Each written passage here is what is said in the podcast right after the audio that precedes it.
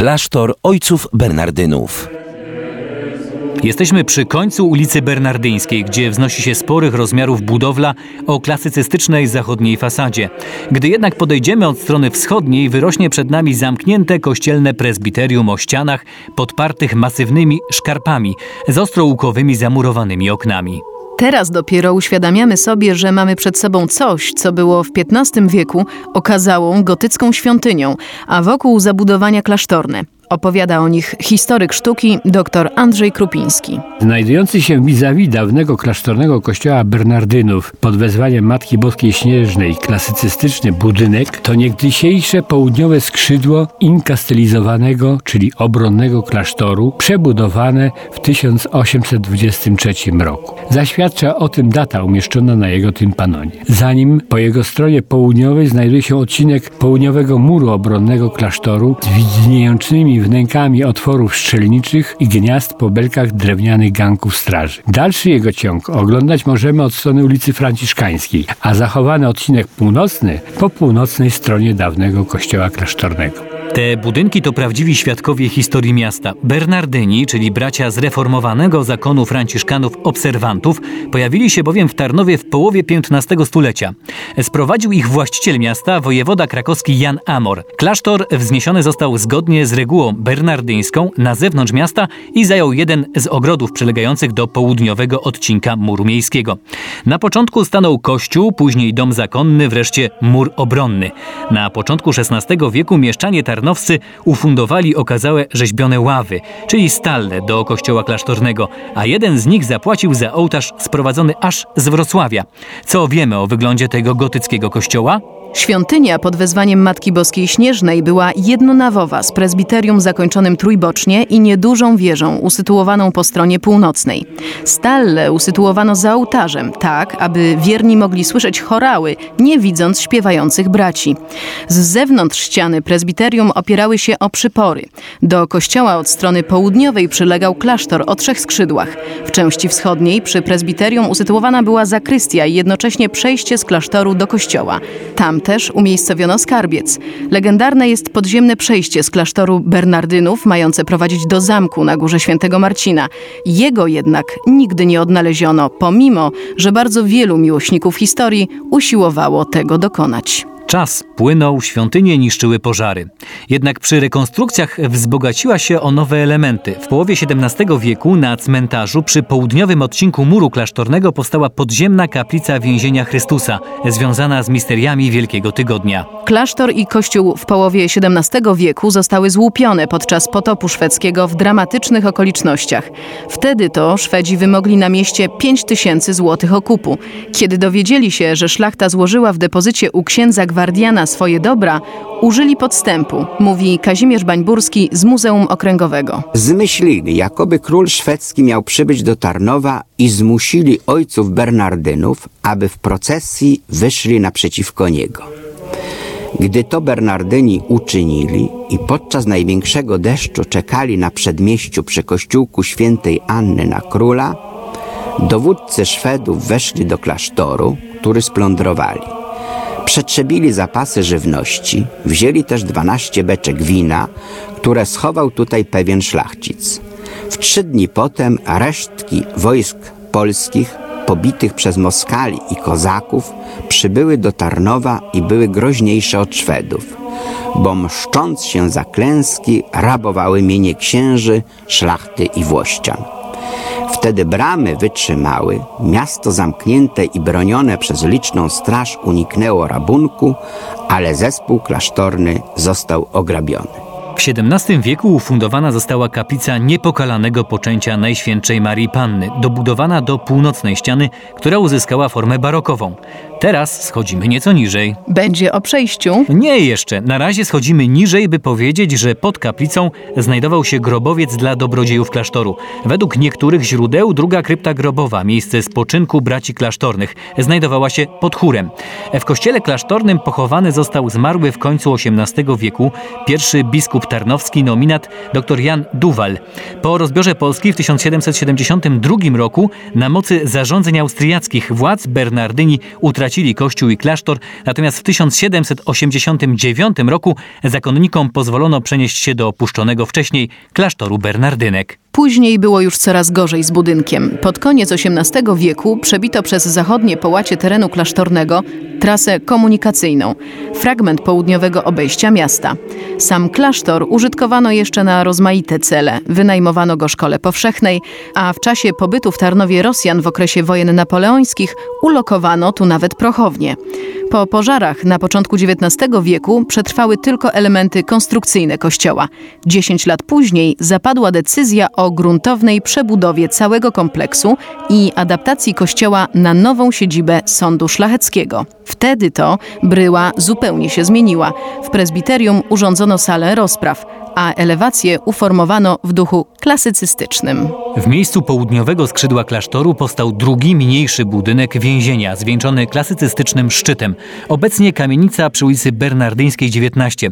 Jedynym eksponowanym dziś elementem klasztornym jest zewnętrzna ściana prezbiterium dawnego kościółka. Z niej w trakcie remontu w 1942 roku usunięto zewnętrzne tynki, przywracając gotycki wygląd. Pozostała część kościoła zachowała w części klasycystyczny, w części części eklektyczny wygląd. W latach 30. XX wieku zaadoptowano budynek sądu na siedzibę magistratu, który urzędował tu przez 30 lat, do 1960 roku. Później mieściły się tu m.in. muzeum, archiwum i budynek PCK. Budynek przy ulicy Bernardyńskiej 24 wciąż zachowuje charakter administracyjny, za wyjątkiem parteru, części dolnej dawnego prezbiterium oddanej w latach 60. na kościół polsko-katolicki. No a co z tym przejściem? No wciąż pozostaje jedną z największych tarnowskich tajemnic. E, prawdopodobnie przy przeróbce klasztoru na Forum Nobilium w 1824 roku odkryto te lochy. W 1930 roku Aniela Piszowa w książce poświęconej 600. rocznicy powstania miasta pisała, że żyła jeszcze wtedy staruszka, niejaka Dzierwowa, która swojemu ojcu murarzowi nosiła obiady, gdy zamurowywał wylot tunelu na wniosek władz miasta. Gdzie dokładnie miał się rozpoczynać tunel, tego nikt dzisiaj nie wie. Teraz przechodzimy w kierunku zachodnim do obecnego klasztoru Bernardynów. Przechodząc, zwróćmy uwagę na wzgórze po lewej stronie. To góra świętego Marcina, o której powiemy więcej przy ostatnim stadium naszej wędrówki. Jesteśmy przed obecnym zespołem nowego klasztoru Bernardynów. Zabudowania klasztorne pochodzą w znacznej części z XVII wieku. Barokowy kościół klasztorny z drugiej połowy wieku XVIII. Na początku mieszkały tu zakonnice, które sprowadził do Tarnowa z Krakowa w XVI wieku Jan Tarnowski, hetman wielki koronny. W Krakowie w klasztorze świętej Agnieszki zakonnicą była jego siostra, a wcześniej dwie krewne. W Tarnowie siostry nosiły początkowo nazwę Koletek. Pierwszy budynek klasztorny dla nich wzniesiony mocno ucierpiał w czasie pożaru.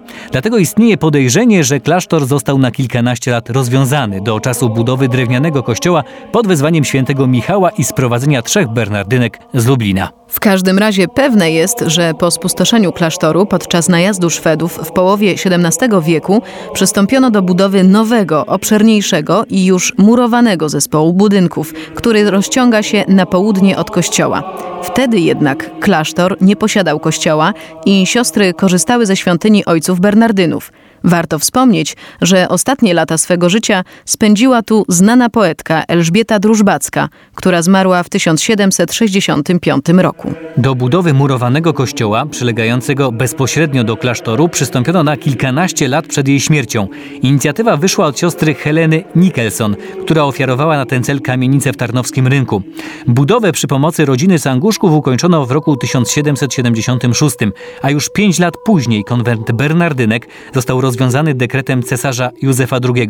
Co stało się z siostrami? Dwa lata miały zakonnice na opuszczenie budynku, niektóre przeniosły się do innych klasztorów, część powróciła do życia świeckiego. Wejdźmy zatem do kościoła ojców Bernardynów, który nie jest uznawany za wybitne dzieło architektury, choć stanowi ciekawy przykład nakładania się wielu epok w jednym obiekcie. To budowla barokowa, jednonawowa z węższym prezbiterium. To także jedyny tarnowski kościółek, do którego wchodzi się na dół po schodkach. Dlaczego? Wytłumaczy historyk Antoni Sypek. Ulica Bernardyńska była bowiem kiedyś przed wiekami głównym e, traktem, nie krakowska ulica, bo jej nie było, tylko bernardyńska. Tędy szedł szlak na Węgry, droga na Pilzno, na Lwów. Dlatego do kościółka wybudowanego przed wiekami schodzi się w dół, bowiem ten trakt stale nadsypywano, by go zachować w dobrym stanie. Jedyny kościółek w Tarnowie, do którego należy wchodzić po schodkach w dół. A kiedy się wejdzie do y, kościoła, ciekawy przedsionek zawsze w ciemności. Należy zapalić światło i wtedy zobaczymy szereg tablic epitafijnych. To tablice rodziny Pani Mokronowska była z domu Sanguszkowa, z pobliskich Gumnisk. Wyszła za mąż za słynnego generała, genialnego dowódcę Stanisława Mokronowskiego, przyjaciela poniatowskiego Józefa, żołnierza Kościuszki, dowódcę powstania w 1794 na Litwie, który po upadku powstania kościuszkowskiego wraz z przym przyjacielem i szwagrem Eustachem Sanguszko schronił się w Tarnowie i tu przebywał w Gumniskach. Owi Przez kilka ładnych lat tak się złożyło, że umierały dzieci Mokronowskich jedno po drugim i stąd te smutne epitafia. Już jesteśmy w środku. Większość wyposażenia kościoła pochodzi z XIX wieku i utrzymana jest w stylu neobarokowym. Jak ołtarz główny, w którym umieszczono jednak barokowy krucyfiks z XVII wieku, zaś w tle późniejsze malowidło z postaciami Matki Boskiej Bolesnej i świętego Jana Ewangelisty. Oprawa pochodzi z epoki rokoka, a więc z drugiej połowy XVIII wieku, a znajdująca się w nim monstrancja nosi cechy klasycystyczne. Mamy w kościele przegląd wszystkich stylów, rzucają się w oczy boczne ołtarze. Istotnie są one także neobarokowe z końca XIX wieku, zaś obrazy i posągi z XIX i XX wieku. W pierwszym z prawej rzeźba Najświętszej Marii Panny Niepokalanego Poczęcia i obraz Matki Bożej Nieustającej Pomocy. W kolejnym ołtarzu po tej samej stronie obrazy świętego Józefa i błogosławionego Szymona z Lipnicy. Z lewej strony w ołtarzach rzeźba serca Pana Jezusa i obrazy świętych Franciszka i Elżbiety. W czwartym obrazy świętych Antoniego Padewskiego i Jana z Dukli. W obrazach ołtarzy bocznych także święty Franciszek pod krzyżem. Ambona wygląda na pochodzącą z tego samego okresu. Ona także jest neobarokowa, czyli stylizowana na starszą niż jest, ale konfesjonał pochodzi już z epoki oryginalnego baroku, czyli z XVII wieku. Barokowe są też stacje drogi krzyżowej. Polichromie wnętrza mają charakter neorenesansowy i są autorstwa słynnego w regionie malarza dekoratora Adolfa Który wykonał je w 1895 roku. Od strony północnej kościoła znajduje się kaplica Jezusa Miłosiernego, dawny skarbczyk z wczesno-barokowym ołtarzem, a w nim renesansowy, słynący łaskami obraz Misericordia Domini z XVI wieku, malowany na desce, odnowiony w 2005 roku.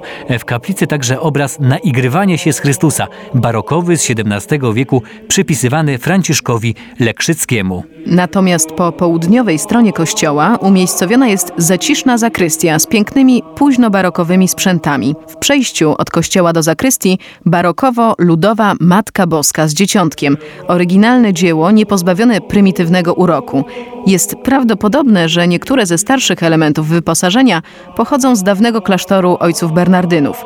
W samym klasztorze znajduje się szereg obrazów z XVII wieku oraz portretów franciszkanów i bernardynów, w tym portrety gwardianów z końca XVIII wieku. Co wiemy o samych zakonnikach? Bernardyni nie prowadzą parafii. Działalność duszpasterska braci skupia się na całodziennym dyżurze w konfesjonale i szerzeniu kultu eucharystycznego. Trwa tu wieczysta adoracja Najświętszego Sakramentu. W kościele żywy jest kult świętego Antoniego Spadwy, a we wtorkowych nabożeństwach ku jego czci bierze udział wielu wiernych czcicieli. Z kultem tym związana jest działalność charytatywna braci, którzy dzięki ofiarom do puszek świętego Antoniego i pomocy innych dobroczyńców prowadzą kuchnię dla ubogich. A jest to duży wysiłek, bo kuchnia wydaje 100 posiłków dziennie. Bracia nie zaniedbują starań o wygląd świątyni. W ostatnich latach przeprowadzono generalny remont kościoła. Odnowiona została polichromia, ołtarze, a budynek został osuszony. Opuszczamy dziedzictwo zakonników i kierujemy się do ostatniego etapu naszej wędrówki.